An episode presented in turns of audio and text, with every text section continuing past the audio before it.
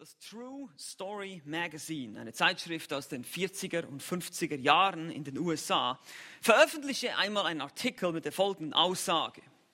Es gibt acht Gründe, warum eine Frau etwas kauft. Nummer eins, weil ihr Ehemann gesagt hat, sie dürfe es nicht kaufen.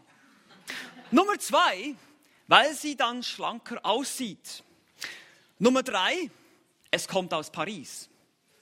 Nummer vier, die Nachbarn können es sich nicht leisten. Nummer fünf, niemand hat es. Nummer sechs, jeder hat es. Nummer sieben, es ist etwas Besonderes. Und Nummer acht, tja, einfach so. Nun, man könnte hier sicherlich auch ähnliche Gründe aufschreiben, warum ein Mann etwas kauft. Vielleicht wäre es auch nur einer. Es ist technisch der, auf dem neuesten Stand. Oder eben, meine Frau wollte nicht, dass ich es kaufe, je nachdem. Nun, ich hoffe nicht, dass das in euren Ehen so der Fall ist. Ich hoffe, dass das eher umgekehrt ist, dass ihr oft etwas kauft, ihr Männer, weil ihr eure Frauen liebt, dass ihr ihnen Geschenke macht oder auch umgekehrt.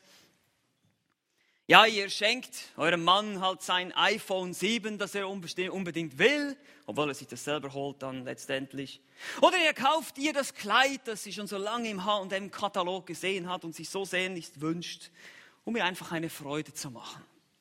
Nun, ihr seht, eine Ehe ist etwas Schönes, etwas Wunderbares und Gott hat die Ehe gestiftet, aber sie bringt eine gewisse Form von Ablenkung in unser Leben eine Ablenkung, die Paulus in dieser Textstelle auch ansprechen wird, die wir heute betrachten. Eine Ablenkung von der alleinigen Konzentration auf den Herrn. Und das ist das Thema dieses heutigen Textes, den wir heute gemeinsam betrachten wollen. Paulus macht diese Prinzipien den verwirrten Korinthern klar die viele, viele Fragen hatten, aber ihre Verwirrung war auch letztendlich selbst auferlegt, weil die Gemeinde in Korinth hatte im geistlichen Bereich Verwirrungen.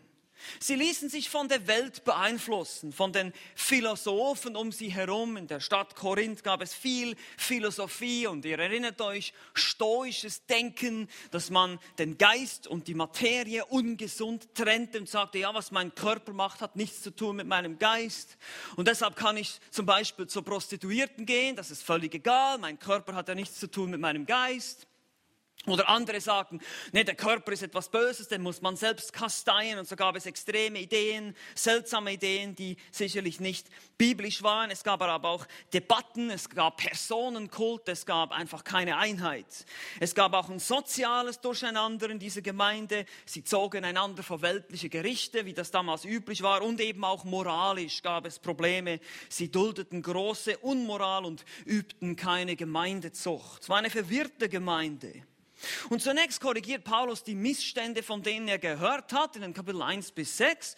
Und wir sind mittlerweile im Kapitel 7 angekommen, wo er jetzt auf Dinge eingeht, die die Korinther ihm direkt geschrieben haben mittels eines Briefes. Spezifische Fragen, die sie haben. Wie sieht es denn nun aus mit der Ehe zum Beispiel? Wenn es doch jetzt verkehrt ist, wenn doch die Materie etwas Böses ist oder alles, was körperlich ist, böse ist, sollten wir doch überhaupt, überhaupt noch Sexualität genießen. Auch innerhalb der Ehe sollten wir uns doch jetzt zurückhalten und sagen, das ist etwas Böses. Wie sieht's da aus? Und das korrigiert Paulus in Kapitel 7, die Verse 1 bis 9. Oder dann geht es um die Frage der Unverheirateten, was sie machen sollen. Oder die Frage derer, die sich vielleicht scheiden lassen wollten von ihren Ungläubigen gläubigen Partnern. Und Paulus geht auf all diese Fragen ein. Wir haben das schon alles betrachtet. Und er, er, er kommt dann zu diesem Hauptprinzip, zu diesem Hauptpunkt in den Versen 17 bis 24, wo er einfach sagt, bleibe erstmal da, wo du bist und wandle da als Christ. Haben wir letzten Sonntag angeschaut. Wir haben gesehen, dass das eigentlich so seine Absicht ist. Sei mal ganz cool, sei mal ganz ruhig. Versuch nicht gleich alle Strukturen, alles zu ändern oder auszubrechen oder irgendwie wegzugehen von deinem Partner. Selbst wenn er ungläubig ist. Ja, wenn er sich scheiden lassen will, dann, das haben wir gesehen, das ist die Ausnahmeklausel hier, die Paulus nennt, dann soll er gehen. Dann bist du frei, aber solange der Ungläubige bei dir bleiben will, bleibe du auch bei ihm. Solange du Sklave bist und nicht frei kommen kannst, bleib Sklave. Dien erstmal da, wo du bist. Keine soziale Revolution, keine Umstürzung der Struktur, der politischen Strukturen, kein politischer Aktivismus, keine Revolution. Das ist nicht das Christentum. Das Christentum ist Herzensveränderung. Und wir leben in der Kultur und in der, in der Struktur unserer Kulturen. Wir ordnen uns den Strukturen unter, sofern sofern sie uns nicht zur Sünde zwingen wollen. Das ist die einzige Ausnahme. Nun gab es in dieser Kultur auch Väter, die Ehen arrangierten für ihre Töchter. Das war damals übrigens üblich. Die meisten Ehen wurden arrangiert. Es gab eigentlich kaum oder gar keine Ehen, die von den Ehepartnern selber initiiert wurden. Das war ganz anders als wir heute. Wir müssen hier völlig von, West, von unserem westlichen Denken mal wegkommen und uns in eine Kultur versetzen, in der die Ehen arrangiert würden. Und so gab es Väter, die bestimmte Versprechen abgaben und sagen, diese Tochter ist diesem Mann. Und das wurde verhandelt zwischen den Familien und da wurde abgesprochen, abgesprochen, wer mit wem dann letztlich verheiratet wird. Und manche haben dann gedacht vielleicht, ja, wenn es doch so schlecht ist, wenn körperliche Dinge eben durch dieses stoische Denken beeinflusst, wenn körperliche Dinge so schlecht sind, dann sollte ich doch meine Tochter reinhalten und abhalten davon zu heiraten. Und Paulus geht hier auf diese Situation ein und klärt das und hilft ihnen durch biblische Prinzipien, sich hier durch zu navigieren. Er sagt nicht einfach, mach das oder mach das oder ja, eben auch hier die sozialen Strukturen, ihr Väter, was, was bestimmt ihr hier überhaupt über eure Töchter? Das sagt Paulus nicht. Er sagt, nein, nein, nein, das ist schon okay. Wir können auch hier biblische Prinzipien anwenden, selbst in einer solchen Kultur. Und das finde ich einfach immer wieder spannend und interessant zu sehen, dass wir das Wort Gottes, dass wir überall gehorsam leben können. Wir können überall Gott gefallen, egal in welcher Kultur, in welcher gesellschaftlichen Struktur wir leben. Das ist das Spannende. Also lasst uns diesen Text lesen, 1. Korinther Kapitel 7, die Verse 25 bis 40. Ja, tatsächlich ich habe vor, so viele Verse heute zu behandeln, das gibt es eigentlich kaum. Aber ich denke einfach, dass dieser Abschnitt wirklich zusammengehört und ein Argument ist. Und deshalb möchte ich das auch in einer Predigt abdecken. Ich hoffe, ihr habt Zeit bis 15 Uhr. Nein, das war nur ein Witz. Das war nur ein Witz. Ich werde es ich wirklich zusammenfassen. Lass uns das lesen. Vers 25. Was aber die Jungfrauen betrifft, so habe ich kein Gebot des Herrn. Ich gebe aber eine Meinung oder ein Urteil als einer, der vom Herrn begnadigt worden ist, treu zu sein. Ich meine nun, dass dies gut ist, der gegenwärtigen Not wegen, dass es für einen Menschen gut ist, so zu sein. Bist du an eine Frau gebunden, so suche nicht frei zu werden. Bist du frei von einer Frau, so suche keine Frau. Wenn du aber auch heiratest, so hast du nicht gesündigt. Und wenn die Jungfrau heiratet, so hat sie nicht gesündigt. Solche werden aber Trübsal im Fleisch haben. Ich aber schone euch. Dies aber sage ich, Brüder, die Zeit ist gedrängt. Im Übrigen dass auch die, die Frauen haben, seien, als hätten sie keine. Und die Weinenden als nicht Weinende. Und die sich Freuenden als nicht Freuende. Und die Kaufenden als nicht Besitzende. Und die die Welt Gebrauchenden als sie nicht als Eigentum Gebrauchende. Denn die Gestalt dieser Welt vergeht. Vers 32. Ich will aber, dass ihr ohne Sorge seid. Der Unverheiratete ist um die Dinge des Herrn besorgt, wer dem Herrn gefalle. Der Verheiratete aber ist um die Dinge der Welt besorgt, wie er der Frau gefalle. Es ist ein Unterschied zwischen der Frau und der Jungfrau. Die Unverheiratete ist um die Dinge des Herrn besorgt, damit sie heilig sei, obwohl am Leib als auch am Geist. Die Verheiratete aber ist für die Dinge der Welt besorgt, wie sie dem Mann gefalle. Dies aber sage ich zu eurem eigenen Nutzen, nicht um euch eine Schlinge überzuwerfen, sondern zur Wohlanständigkeit und zum ungeteilten Anhangen an dem Herrn. Vers 36. Wenn aber jemand denkt, er handle ungeziemend mit seiner Jungfrau, wenn sie über die, Blüte der, äh, über die Blüte der Jugend hinausgeht und es muss so geschehen, so tue er, was er will, er sündigt nicht, sie mögen heiraten.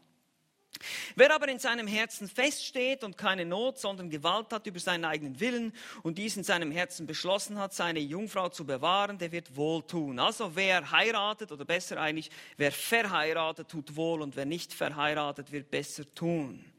Eine Frau ist gebunden, solange ihr Mann lebt. Wenn aber der Mann entschlafen ist, so ist sie frei, sich zu verheiraten, mit wem sie will. Nur im Herrn. Glückselig ist sie aber, wenn sie so bleibt. Nach meiner Meinung, ich denke aber, dass auch ich Gottes Geist habe bis hierher. Nun, wir sehen in diesem Text sechs Probleme, die dich berechtigterweise davon abhalten könnten, zu heiraten. Das heißt, wenn du unverheiratet bist oder eben eine Jungfrau, und wir werden noch sehen, er geht zwar auf das Thema der Jungfrauen ein, der nicht verheirateten, reinen, sexuell reinen Frauen, aber wir können das letztlich auch auf allgemein Singles, Geschiedene sogar anwenden, je nachdem, wie wir gesagt haben, das müsst ihr euch die Predigten wieder anhören, ob es eine legitime oder eine illegitime Scheidung war. Und ihr werdet auch sehen, selbst Paulus selbst bezeichnet hier, spricht von den Unverheirateten allgemein und dann auch von den Jungfrauen. Also er erweitert dieses Prinzip. Er sagt, schau mal, das ist das Prinzip. Ihr Väter, das war eure Frage wegen euren Jungfrauen. Und ich gebe euch jetzt hier ein allgemeines Prinzip. Dinge, die du durchdenken musst, bevor du heiratest. Dinge, die, du, die, die mitkommen, sozusagen aus ein Paket. Wie gesagt, eine Heirat, eine Ehe ist etwas Schönes, aber da, da hat es auch, auch Schattenseiten. Ja, da hat es auch Dinge, die du dir bewusst sein musst, auf die du dich einlässt, wenn du heiratest. Und das ist das, was Paulus eigentlich hier deutlich machen will. Er will nicht sagen, dass der Ledigenstand geistlicher ist als der Verheiratete. Das will er nicht sagen. Das haben wir schon deutlich gesehen.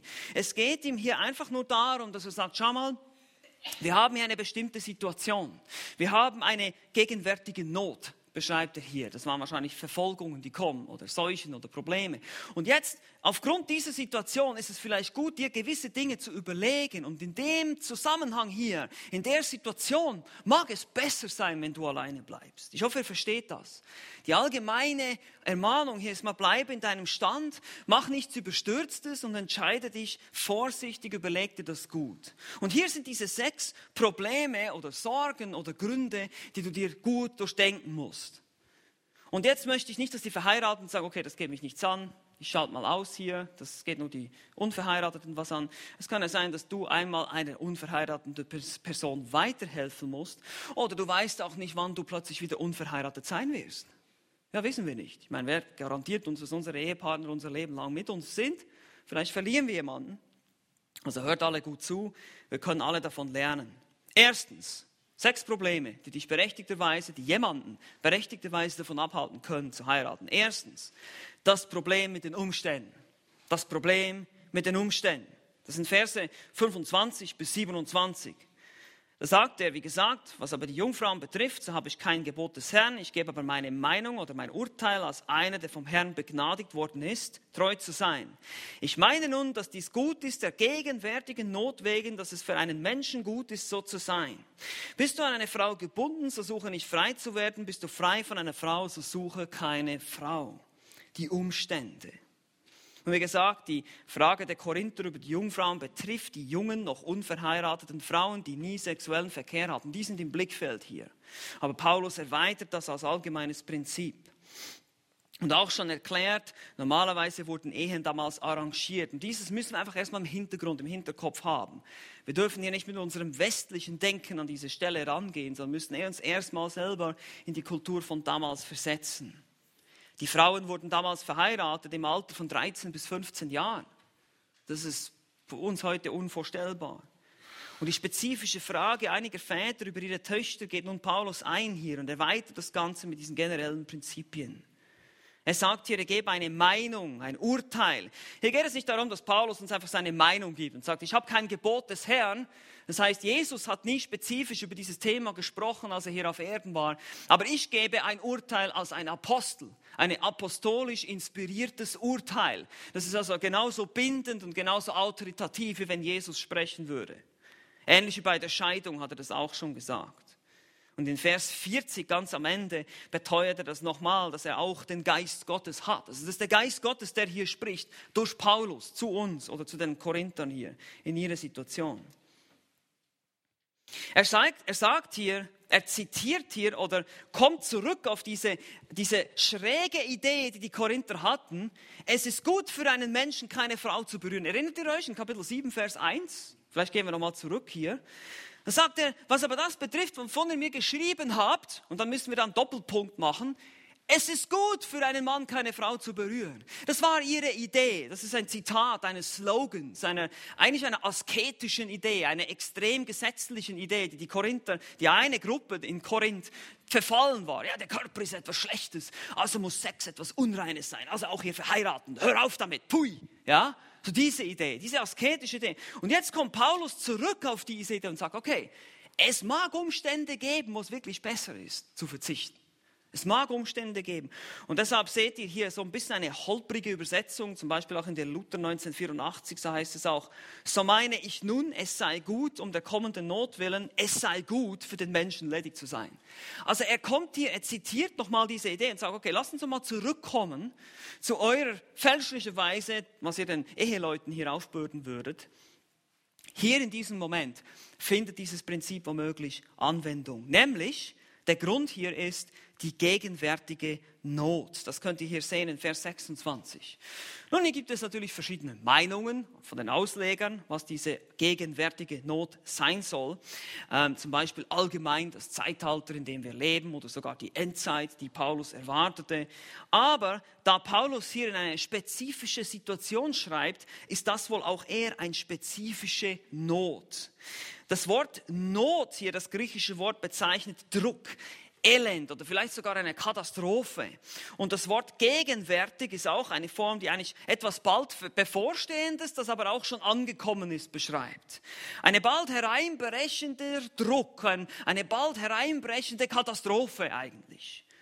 Nun, wir wissen aus der Geschichte, dass zehn Jahre später die heftige Verfolgung unter Nero ausbrach und das zeichnete sich sicher schon langsam ab hier in der Gegend. Auch gibt es andere Geschichtsdokumente, die belegen, dass es Hungersnöte und Seuchen gab in der Zeit. Es gab Druck, es gab Nöte, es gab tatsächlich physische Schwierigkeiten. Und wenn du schon verheiratet bist, dann kannst du natürlich das nicht mehr ändern. Sagt Vers 27, bist du an eine Frau gebunden, so suche nicht frei zu werden. Aber wenn Verfolgung oder andere Dinge, Krankheiten, Seuchen, Hungersnöte kommen, ist es besser alleine zu sein. Bist du frei von einer Frau, so suche keine Frau, heißt es in Vers 27. Bleibe erstmal alleine. Hier wiederum, bleibe erstmal in deinem Stand. Also hier ist die erste Anwendung für uns. Denke dir mal die Umstände durch. Unter Verfolgung, Nöten, Seuchen, Katastrophen erleben Ehepaare und Familien viel grauenvolleres Leid als Singles, als solche, die alleinstehend sind. Oft wurde während einer Verfolgung, das ist heute auch der Fall, die eigene Familie vor den Augen des Vaters hingemetzelt und gequält. Und deshalb blieb auch Paulus alleine. Ihr erinnert euch, Paulus war wohl, war wohl Witwer. Es besteht eine gute Möglichkeit, dass Paulus auch mal verheiratet war und jetzt Witwer war. Aber sein Dienst wäre für eine Familie unerträglich gewesen. Er wurde gesteinigt, er leidete Schiffbruch. Was sollte da seine Frau und seine Kinder da durchbringen? Und deshalb war es für ihn sicherlich gut, in dem Moment nicht mehr zu heiraten. Wenn also Anzeichen bestehen für eine Verfolgung oder für eine gegenwärtige Not, dann ist das sicherlich ein Faktor, den du berücksichtigen solltest. Und nicht krampfhaft versuchen, deinen Stand zu ändern. Denk daran, der Zusammenhang ist hier immer noch diese Ermahnung, bleib erstmal, wo du bist. Nun, vielleicht ist deine gegenwärtige Not auch einfach, dass im Moment keine heiratsfähigen Männer da sind, keine geistig reifen und Gott traut es dir zu. Zum Beispiel gab es das oft in Kriegszeiten, nach dem Krieg, als viele Männer tot waren, mussten viele Frauen alleine bleiben. So kann es diese Situation geben. Also Umstände. Das ist das erste Problem, das wir durchdenken sollten als heiratsfähige Single-Person, die sich das überlegen. Zweitens, das zweite Problem, nenne ich das Problem mit dem Fleisch. Das Problem mit dem Fleisch. Vers 28. Hier sagt Paulus, wenn du aber auch heiratest, so hast du nicht gesündigt. Das ist kein Problem, es macht dich nicht irgendwie geistlich schlechter oder ein Zweiklasse-Christ. Und wenn die Jungfrau heiratet, hat sie nicht gesündigt, solche werden aber Trübsal im Fleisch haben. Und wie gesagt, mit dem ganzen Guten und Segen, das eine Ehe bringt, bringt es auch sehr viel Verantwortung. Sie werden Trübsal im Fleisch haben in dieser Situation hier. Der Kontext ist natürlich immer noch die Bedrängnis, die Hungersnot, die Verfolgung, was auch immer das Problem war. Trübsal hier ein allgemeiner Ausdruck für Bedrängnis, auch für Druck im Fleisch. Die Mengeübersetzung sagt Not im äußeren Leben. Und tatsächlich ist es so, wenn ihr euch das überlegt, dass bei einer Eheschließung zwei Egos, zwei Sünder unter ein Dach gepresst werden. Das ist Druck ja, im äußeren Leben. Und dieser Druck entsteht nicht nur von außen, wenn Bedrängnis kommt, sondern auch von uns innen selber, von unserer eigenen Sündhaftigkeit.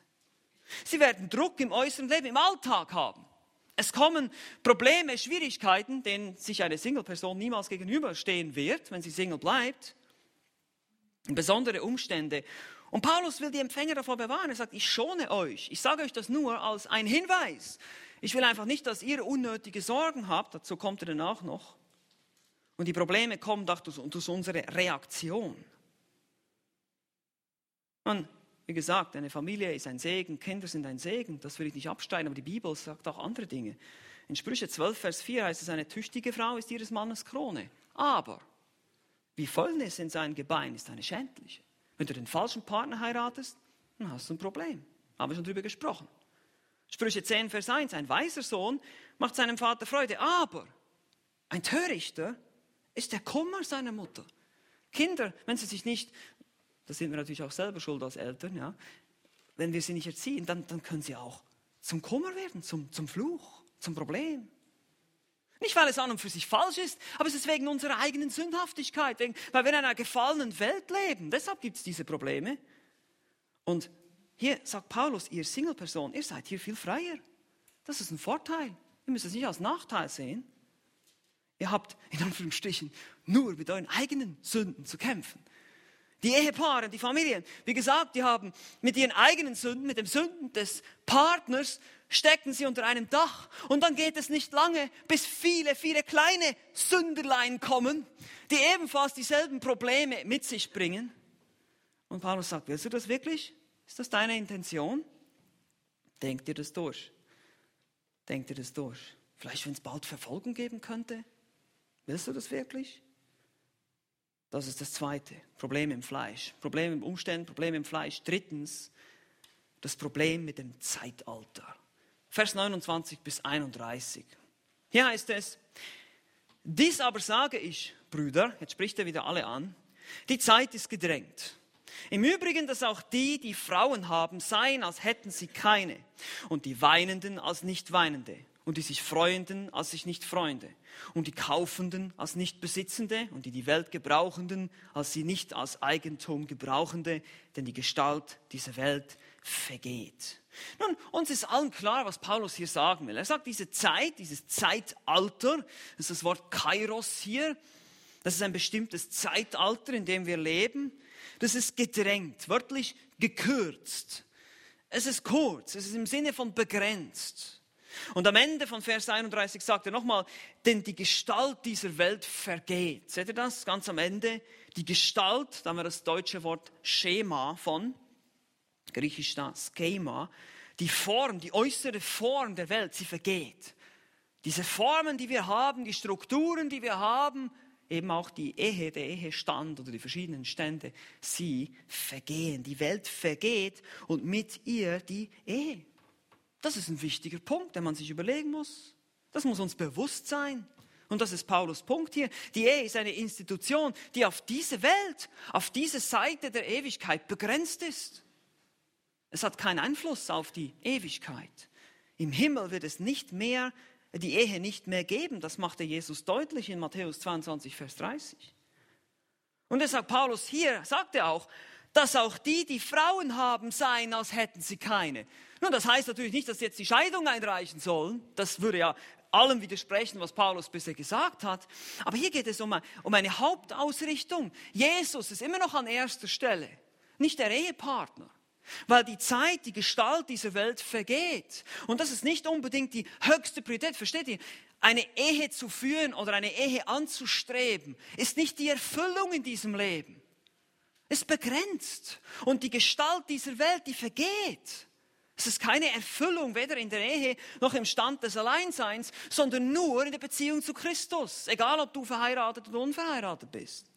Das muss uns bewusst sein. Und gerade jemand, der davor steht zu heiraten, leidet oft an dieser Illusion und denkt, oh, wenn ich nur verheiratet wäre und ein Mann oder eine Frau hätte, oh, das wäre so toll und dann habe ich, hab ich Kinder und ein Haus und wunderbar. All diese Träume, und das ist alles vergänglich, sagt Paulus. Darauf richtet euch nicht aus. Wenn du heiratest, sündigst du nicht. Wenn du alleine bleibst, umso besser vielleicht aufgrund der Situation im Moment.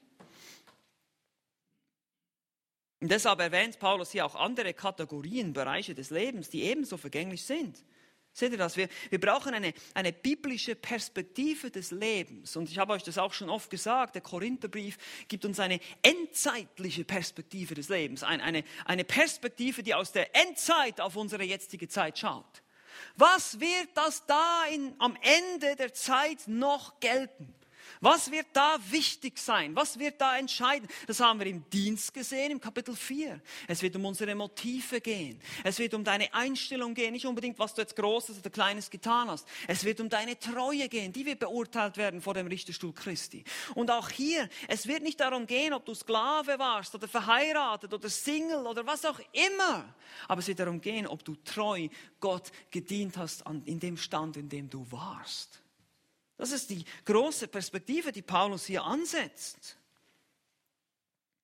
Wir leben eben nicht wie die Stoiker, völlig unabhängig von den Umständen. Wir sind nicht gefühlslos, aber wir sind auch nicht schon völlig angekommen, wie diejenigen in Korinth, die dachten, ja, wir sind jetzt hier schon die Allmächtigen sozusagen.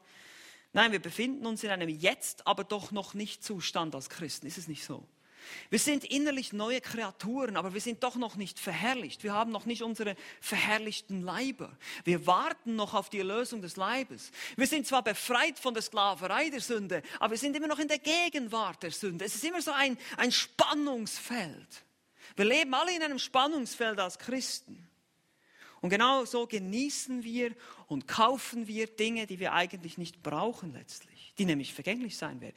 Und hier geht es nicht darum, dass es falsch ist, sich Dinge zu kaufen, aber Paulus sagt, seid einfach bewusst, benutzt diese Dinge in dem Bewusstsein, dass sie vergehen werden. Und so ist es mit der Ehe. Sei dir bewusst, du darfst heiraten, du darfst es genießen, aber sei dir bewusst, diese Ehe, die wird vergehen. Suche nicht die Erfüllung da drin. Das ist der Punkt. Als Weinende Vers 30a, die Weinende, aber nicht Weinende, die sich freuen als Nicht-Freunde. Wir haben Gefühle. Wir sind keine Stoiker, wir haben Gefühle. Ihr kennt den Ausdruck, ein stoisches Gesicht, ja, gefühllos. Wir als Christen, wir sind nicht gefühllos, aber diese Gefühle kontrollieren mich nicht. Und genauso hier mit weiteren Versen, die Kaufenden als Nicht-Besitzende. Wir gebrauchen diese Welt und besitzen sie nicht. Es wird eh vergehen. Wir genießen Dinge, aber wir wissen um ihre Vergänglichkeit. Das ist die typische eschatologische Perspektive des Paulus hier. Und er korrigiert einmal mehr diese falschen Extremansichten. Ihr wisst, die Selbstkasteiung auf der einen Seite und auf der anderen Seite der völlige Liberalismus. Die einen haben gesagt, alles ist erlaubt, die anderen haben gesagt, nichts ist erlaubt. Und der Christ ist genau dazwischen, er ist genau hier in diesem Spannungsfeld. Und das gefällt uns nicht oft. Wir Christen, wir neigen dann dazu, auf der einen oder anderen Seite vom Pferd zu fallen. Wir wünschen uns dann mehr Gesetze, als uns die Bibel gibt. Oder wir wünschen uns mehr Freiheiten, als uns die Bibel gibt. Aber das ist genau das, was Gott uns nicht geben wird. Er will, dass wir im Glauben wandeln. Und genauso ist es hier. Paulus sagt, okay, seid ihr das bewusst? Suche nicht die Erfüllung in diesen Dingen, denn diese, die Gestalt dieser Welt ist am Vergehen. So kann es sein, dass du heiratest aber der Partner, den du hast, der will vielleicht nicht ein gemütliches Leben führen, dein Traumhäuschen, was du dir schon immer vorgestellt hast, sondern es kann sein, dass du dann eben in der Platte lebst. Oder noch schlimmer, auf dem Missionsfeld irgendwo. Kein Urlaub jedes Jahr oder nur wenig. Oft auf Reisen wegen dem Dienst. Der Mann ist vielleicht Prediger. Ja, ja könnte ja sein. Viele Seelsorgegespräche, viele Besuchsdienste. Also hier müssen wir einfach bewusst sein, es ist nicht die Erfüllung unseres Lebens hier. Wir haben andere Ziele. Und wenn du noch nicht Christ bist, dann ist es umso wichtiger, über die Vergänglichkeit dieser Welt nachzudenken. Wir haben heute Morgen in der Bibelstunde darüber gesprochen, oder der Herr Dr. Siegler hat uns vorgestellt, was am Ende kommen wird. Die Hölle, die ewige Hölle für diejenigen, die nicht glauben. Und wenn du hier bist unter uns heute und du hast keine lebendige Beziehung zu Christus, du glaubst nicht, dass Jesus für die Sünden gestorben ist, du hast noch nicht Buße getan über dein Leben, dann ist dieser Punkt auch für dich. Diese Welt ist vergänglich. Sie wird vergehen, früher oder später. Sie geht dem Ende entgegen. Alles in dieser Welt geht dem Ende entgegen. Ich selber auch. Wir alle sterben, alles stirbt, alles wird verbrennen, alles wird kaputt gehen. Und was kommt danach? Das ist die große Frage. Bist du bereit dafür? Bist du bereit, Christus, deinem Schöpfer, entgegenzutreten? Und wenn er nicht, wenn du ihn nicht in deinem im Glauben angenommen hast, dass er am Kreuz für dich gestorben ist und dass er dir deine Sünden vergibt, dann hast du ein Problem am Tag des Gerichts. Deshalb ist es auch ein Punkt, für alle Ungläubigen hier. Denkt dran, das Wesen dieser Welt vergeht. Gut, wir haben die Umstände gesehen, das Problem mit dem Fleisch, das Problem mit dem Zeitalter. Lass uns noch ein bisschen weitergehen. Nummer vier. Nummer vier, das Problem mit Sorgen. Ich habe das vorhin schon erwähnt. Es bringt bestimmte Spannungen ins Leben, wenn man verheiratet ist als Christ. Nicht, dass unsere Singles keine Spannungen erleben, das will Paulus damit auch nicht sagen, sehen wir gleich noch. Aber es gibt bestimmte Dinge, die spezifisch nur auf Eheleute zutreffen. Ja, das macht Paulus hier deutlich. Ich will aber, dass ihr ohne Sorge seid, Vers 32. Der Unverheiratete ist um die Dinge des Herrn besorgt, wie er dem Herrn gefalle. Der Verheiratete aber ist um die Dinge der Welt besorgt, wie er der Frau gefalle. Äh, es ist ein Unterschied zwischen der Frau und der Jungfrau. Äh, es ist hier eine seltsame Übersetzung, ich gehe gleich noch darauf ein. Die Unverheiratete ist um die Dinge des Herrn besorgt, damit sie heilig sei, obwohl am Leib als auch am Geist. Die Verheiratete aber ist für die Dinge der Welt besorgt, wie sie dem Mann gefalle. Dies aber sage ich zu eurem eigenen Nutzen, nicht um euch eine Schlinge überzuwerfen, sondern zur Wohlanständigkeit und zum ungeteilten Anhangen an dem Herrn. Nun, um das mal ganz von oben zu betrachten, das Wort Sorge oder Besorgtsein ist in diesen Versen hier 32 bis 35 vorherrschend. Paulus will, dass sie ohne Sorge sind, sorglos in dem Sinne. Und wenn man verheiratet ist, dann ist man in vielerlei Weise eigentlich geteilt in den Interessen. Man kann dann vielleicht nicht immer nur geistliche Ziele verfolgen, sondern man muss sich mehr auch um irdische Dinge kümmern. Das ist eigentlich sein Punkt hier, weil es gibt hier eine Variante in der Elberfelder Bibel und auch in anderen Schriften, also Übersetzungen. Der Punkt ist relativ simpel hier, es geht um diese geteilten Interessen. Aber hier heißt es letztlich, der Verheiratete ist um die Dinge der Welt besorgt, wie er der Frau gefalle und er ist zerteilt. Also hier ist es nicht, das ist ein Unterschied, wenn ihr das mal anschaut hier in diesen Versen. Ähm, und zwar ist das Vers 33, äh, der Verheiratete aber ist um die Dinge der Welt besorgt, äh, er der Frau gefalle. Und dann ist es ist ein Unterschied, eigentlich er ist zerteilt. Das ist ein einziges Verb da im Griechischen. Und da geht es weiter und da heißt es dann eigentlich, die unverheiratete Frau und die Jungfrau sind um die Dinge des Herrn besorgt. Das ist eigentlich die bessere Übersetzung hier. Und sie wollen am Leib und Geist heilig sein. Also wiederum sagt Paulus nicht, dass die Unverheirateten irgendwie geistlicher sind oder besser sind, aber dass sie mehr Flexibilität haben. Es geht um die Konzentration oder um die Ausrichtung hier. Sie haben weniger Ablenkung in ihrem Leben. Das ist, das, das ist der Punkt, den er hier machen will. Sie haben keine Familie, um die sie sich kümmern müssen, versorgen müssen. Keine Kinder, die sie erziehen, begleiten, belehren müssen. Einen Mann, dem sie sich unterordnen, eine Frau, die sie anleiten und so weiter und so fort. Weniger Ablenkung, weniger Zerteiltheit. sind nicht geistlicher deswegen. Und deshalb sagt Paulus in Vers 35, dies aber sage ich zu eurem eigenen Nutzen. Das ist, soll euch helfen, dieses Prinzip. Das soll euch keine Schlinge überwerfen, keine, keine Begrenzung sein für euch, sondern nur, dass ihr ungeteilt dem Herrn dienen könnt, zum Nutzen aller. Dass ihr eine weise, eine gute Entscheidung treffen könnt. Das ist das Ziel, das Paulus hier äh, verfolgt mit dieser mit dieser Stelle, mit diesem Punkt. Am Ende sagt er, sondern zum geziemenden und konstanten Dienst dem Herrn. Er will einfach, dass sie konstant dem Herrn dienen können. Auch die Verheirateten, nicht nur die Unverheirateten.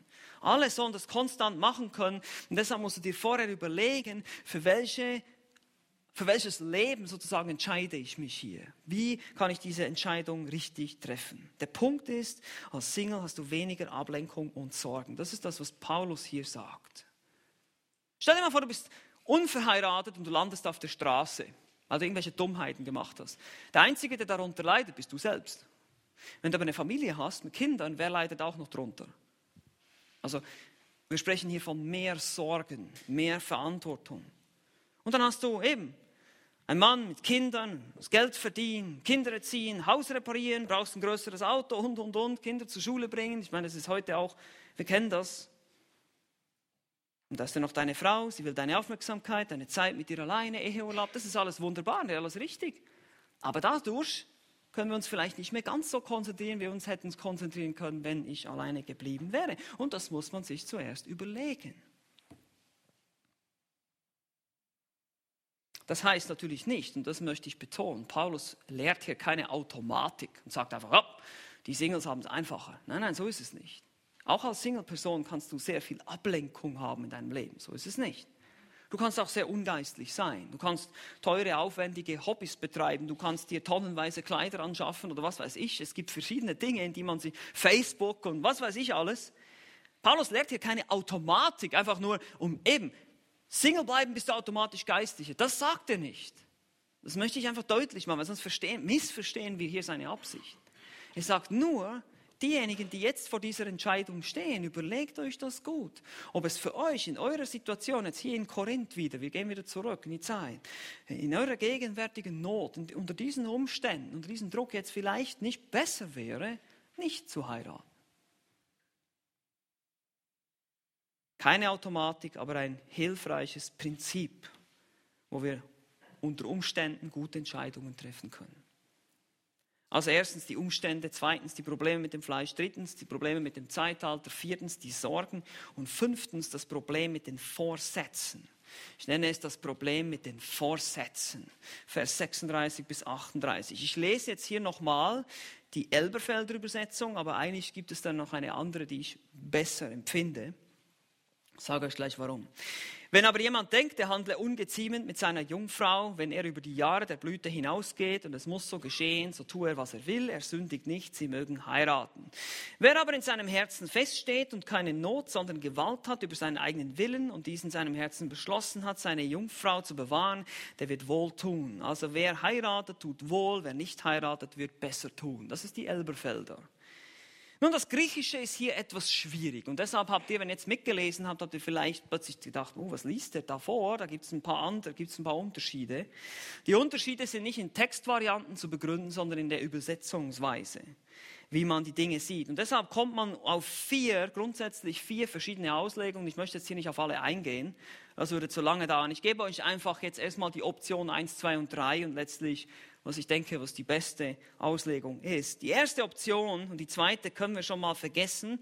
Das erste ist zum Beispiel, dass jemand seine eigene Jungfräulichkeit bewahren möchte. Das ist die Idee hier, denkt man. Deshalb übersetzt die Elberfelder hier Jungfrauschaft ja, anstatt Jungfrau. Das Problem damit ist der griechische Ausdruck Parthenos, bezeichnet üblicherweise eine junge Frau in heiratsfähigem Alter. Also das ist eigentlich eine, da muss man sehr weit herholen, um, diese, um zu dieser Position zu kommen. Auch muss man dann Vers 38 wirklich umdeuten, weil da steht wörtlich im Griechischen, wer seine Jungfrau heiratet.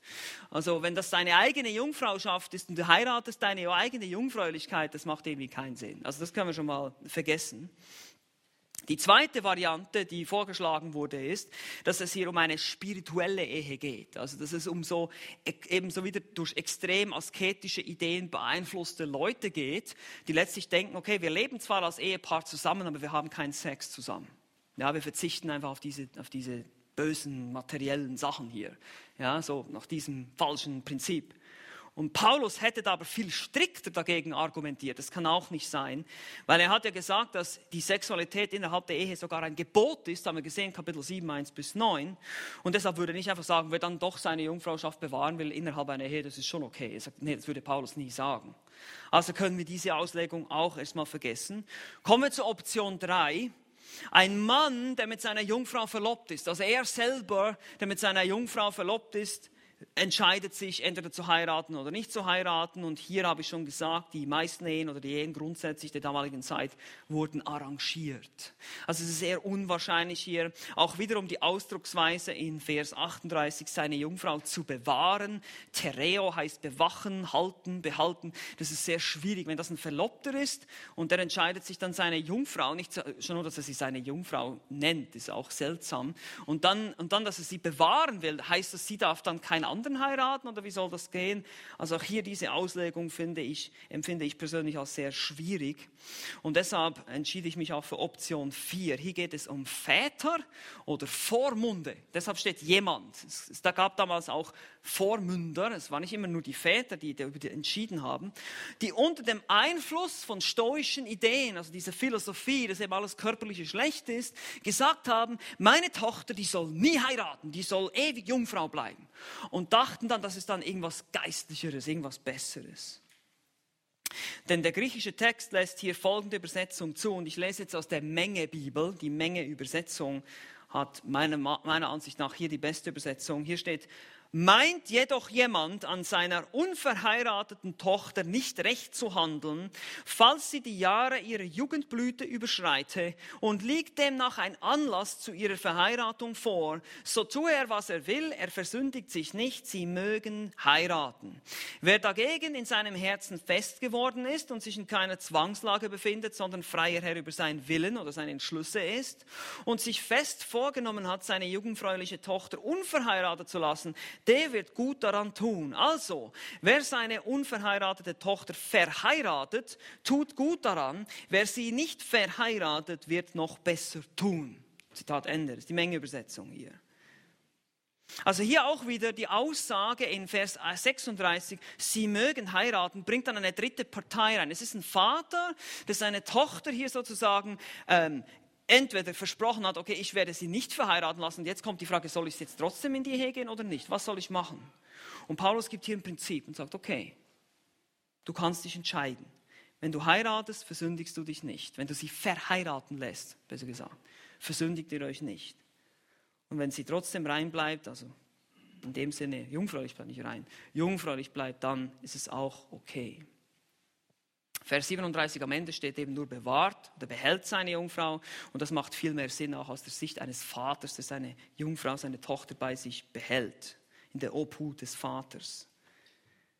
Das Verb heiraten in Vers 38, Gameo, ist eben nicht Gameo, sondern Gamizo und das heißt eigentlich verheiraten. Also auch hier deutet es alles viel mehr, ihr seht das am Ende wird es, wer sie verheiratet, eben der Vater, der seine Tochter in die Ehe gibt. Das macht mehr Sinn.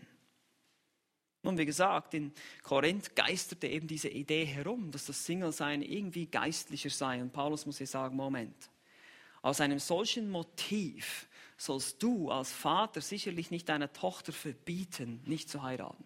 Aber achtet euch mal drauf, Paulus sagt auch nicht, was fällt euch Väter eigentlich ein? Er, er, er ändert die bestehenden Strukturen, die bestehenden kulturellen Sitten hier nicht. Er sagt nicht, lass die doch selber entscheiden. Er sagt, hey, wenn der Vater sagt nein, dann ist nein. Ist es so. Ordne dich unter. Ja, also es ist auch ganz interessant hier, Paulus wehrt sich auch hier nicht wie bei den Sklaven gegen die vorherrschende Struktur der Sitten und Gebräuche und sagt einfach nur, ihr mögt heiraten, es ist keine Sünde. Wenn du dich anders entscheidest als Vater und dich umentscheidest, musst du dich nicht an dieses selbst auferlegte Gelübde halten, weil das ist dann keine Sünde für dich. Nun, Heute gibt es keine arrangierten Ehen mehr und auch keine Väter, die Gelübde ablegen in dem Stil. Aber was, wie können wir das anwenden heute? Nun, vielleicht gibt es eigene Vorsätze in meinem Leben. Vielleicht habe ich mal eine Entscheidung getroffen, eine ungeistliche Entscheidung, habe ich mir vielleicht vorgestellt als Single, ja, der Singlestand ist vielleicht viel geistlicher oder ich habe diese und diese Gabe und ich werde jetzt einfach so bleiben und dieser Vorsatz, nach diesem Vorsatz lebe ich dann einfach und dann eines Tages kommt der Richtige oder die richtige in dein Leben. Und dann denkst du vielleicht, nein, ich habe doch diesen Vorsatz gehabt. Ja, Moment. Das ist vielleicht eine Anwendung für uns heute, dass wir sagen, passt ein bisschen auf mit selbst auferlegten Frömmigkeitsansätzen, weil Paulus korrigiert nämlich genau diese Sache hier. Also wir haben Probleme mit den Umständen, mit dem Fleisch, mit dem Zeitalter, mit den Sorgen, mit den Vorsätzen und es schließlich sechstens noch das Problem mit der Dauer. Das Problem mit der Dauer. Vers 39, 39 bis 40. Hier heißt es, eine Frau ist gebunden, solange ihr Mann lebt. Wenn aber der Mann entschlafen ist, so ist sie frei, sich zu verheiraten, mit wem sie will, nur im Herrn. Glückseliger ist sie aber, wenn sie so bleibt, nach meiner Meinung. Ich denke aber, dass auch ich Gottes Geist habe. Und Paulus spricht hier nochmal von den Witwen eigentlich, aber der Punkt ist relativ simpel, den er hier macht, vor allem im Anschluss an dieses ganze Argument. Er sagt einfach, denkt daran, auch wenn die Ehe auf diese Welt begrenzt ist, ist es doch eine Verpflichtung auf Lebenszeit. Es ist eine Verpflichtung, ein Bund auf Lebenszeit. Wir haben gesehen, dass eine Ehe zwar auflösbar ist, aber spätestens beim Tod des Partners ist das der Fall. Hier heißt es entschlafen, das ist eine verschönerte Art zu sagen, gestorben. Wenn eine Witwe wieder heiraten will, darf sie das auch tun. Hier aber auch wieder die grundsätzliche Ermahnung von Paulus. Seht ihr, bleibt, wo ihr seid. Bleibt, es ist vielleicht besser, überlegt ihr das gut. Es ist besser, so zu bleiben, wie du bist. Glückseliger, sagt Paulus, ist sein Standpunkt hier. Wiederum aufgrund der momentanen Situation, in der die Leute waren. Einmal mehr bestätigt er seine apostolische Autorität am Schluss und sagt, ich denke aber auch, dass ich den Geist Gottes habe. Das sind alles Dinge, die euch, vor allem natürlich jetzt den Singles, diejenigen, die vor dieser Entscheidung stehen, einfach helfen sollen in eurem Entscheidungsprozess. Und wie ihr euch dann immer entscheidet, wie gesagt, Paulus sagt es auch, ihr sündigt nicht. Das ist keine Frage der Sünde jetzt hier, sondern es ist eine Frage der, okay, was ist, was ist vielleicht eben meine Gabe, meine Berufung und wie kann ich dem Herrn besser und effizienter dienen. Wichtig ist hier am Schluss zu bemerken, denke an die Permanenz der Ehe. Paulus betont das hier. Es ist eine wichtige Entscheidung. Es ist eine Entscheidung auf Lebenszeit. Wir haben darüber sehr ausdrücklich und ausführlich gesprochen, als wir im Kapitel 7 in den Versen 1 bis 9 das durchgeschaut haben, gesagt, deshalb legen wir hier bei uns in der Gemeinde so viel Wert auf einen Ehevorbereitungskurs, ja, eine Lizenz sozusagen, dass ihr euch vorbereitet, dass ihr bewusst seid, okay, auf was lasse ich mich hier ein, worauf muss ich achten, was sind die biblischen Richtlinien, dass wir nicht einfach so unvorbereitet in eine Ehe hineinstürzen und dann letztlich zu einem Seelsorgefall werden. Das soll nicht so sein sondern wir müssen uns diese Dinge gut überlegen. Und ihr wisst, wie das ist mit der rosa Brille, die man anhat. Ja, wir lieben uns so sehr. Ja, wunderbar, alles wunderbar, keine Probleme. Und dann ist man verheiratet und dann, boah, muss nicht so sein. Aber wenn man so blauäugig ist und leichtsinnig, kann das eben geschehen.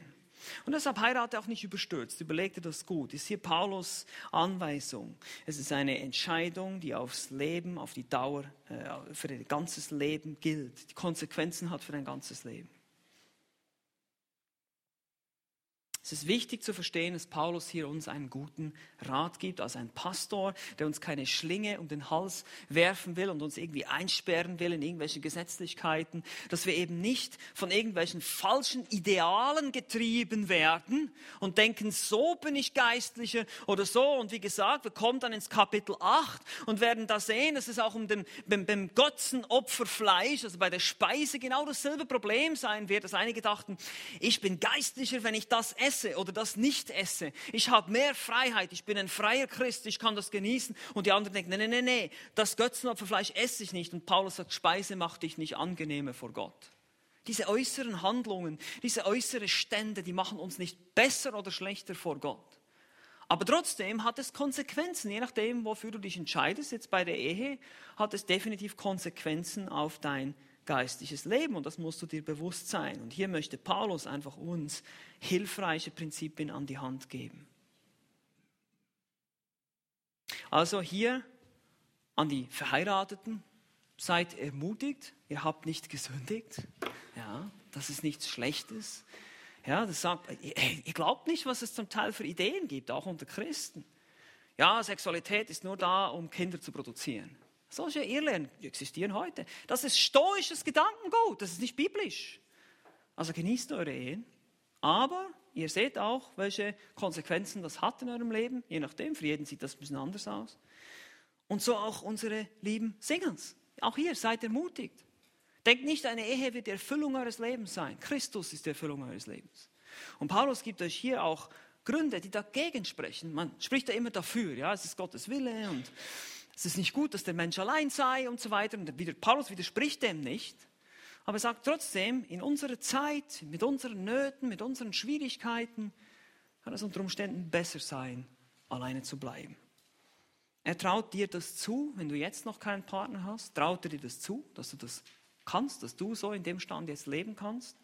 Sei einfach ermutigt und folge dem Herrn. Lass uns noch gemeinsam beten. Amen.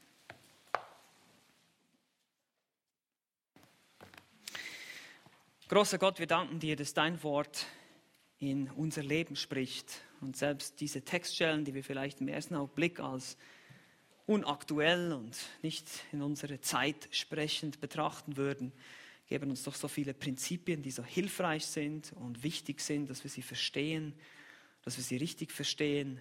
Bitte hilf uns in allen Entscheidungen äh, so zu handeln, dass wir dein Wort konsultieren, dass wir dein Wort betrachten und schauen, wie wir richtig handeln können. Ich danke dir, dass du ähm, jeden Einzelnen begabt hast, entweder als unverheiratet oder auch als Verheirateter zu leben, dass du die Kraft gibst, dass wir in diesen Dingen nicht die Erfüllung suchen, sondern dass wir vielmehr uns, ob wir Eheleute sind oder eben nicht verheiratet, dass wir uns viel mehr auf dich alleine konzentrieren, dass unsere Ausrichtung in erster Linie dir gilt und dass wir dann alle anderen äh, Dinge in unseren Prioritäten richtig ordnen.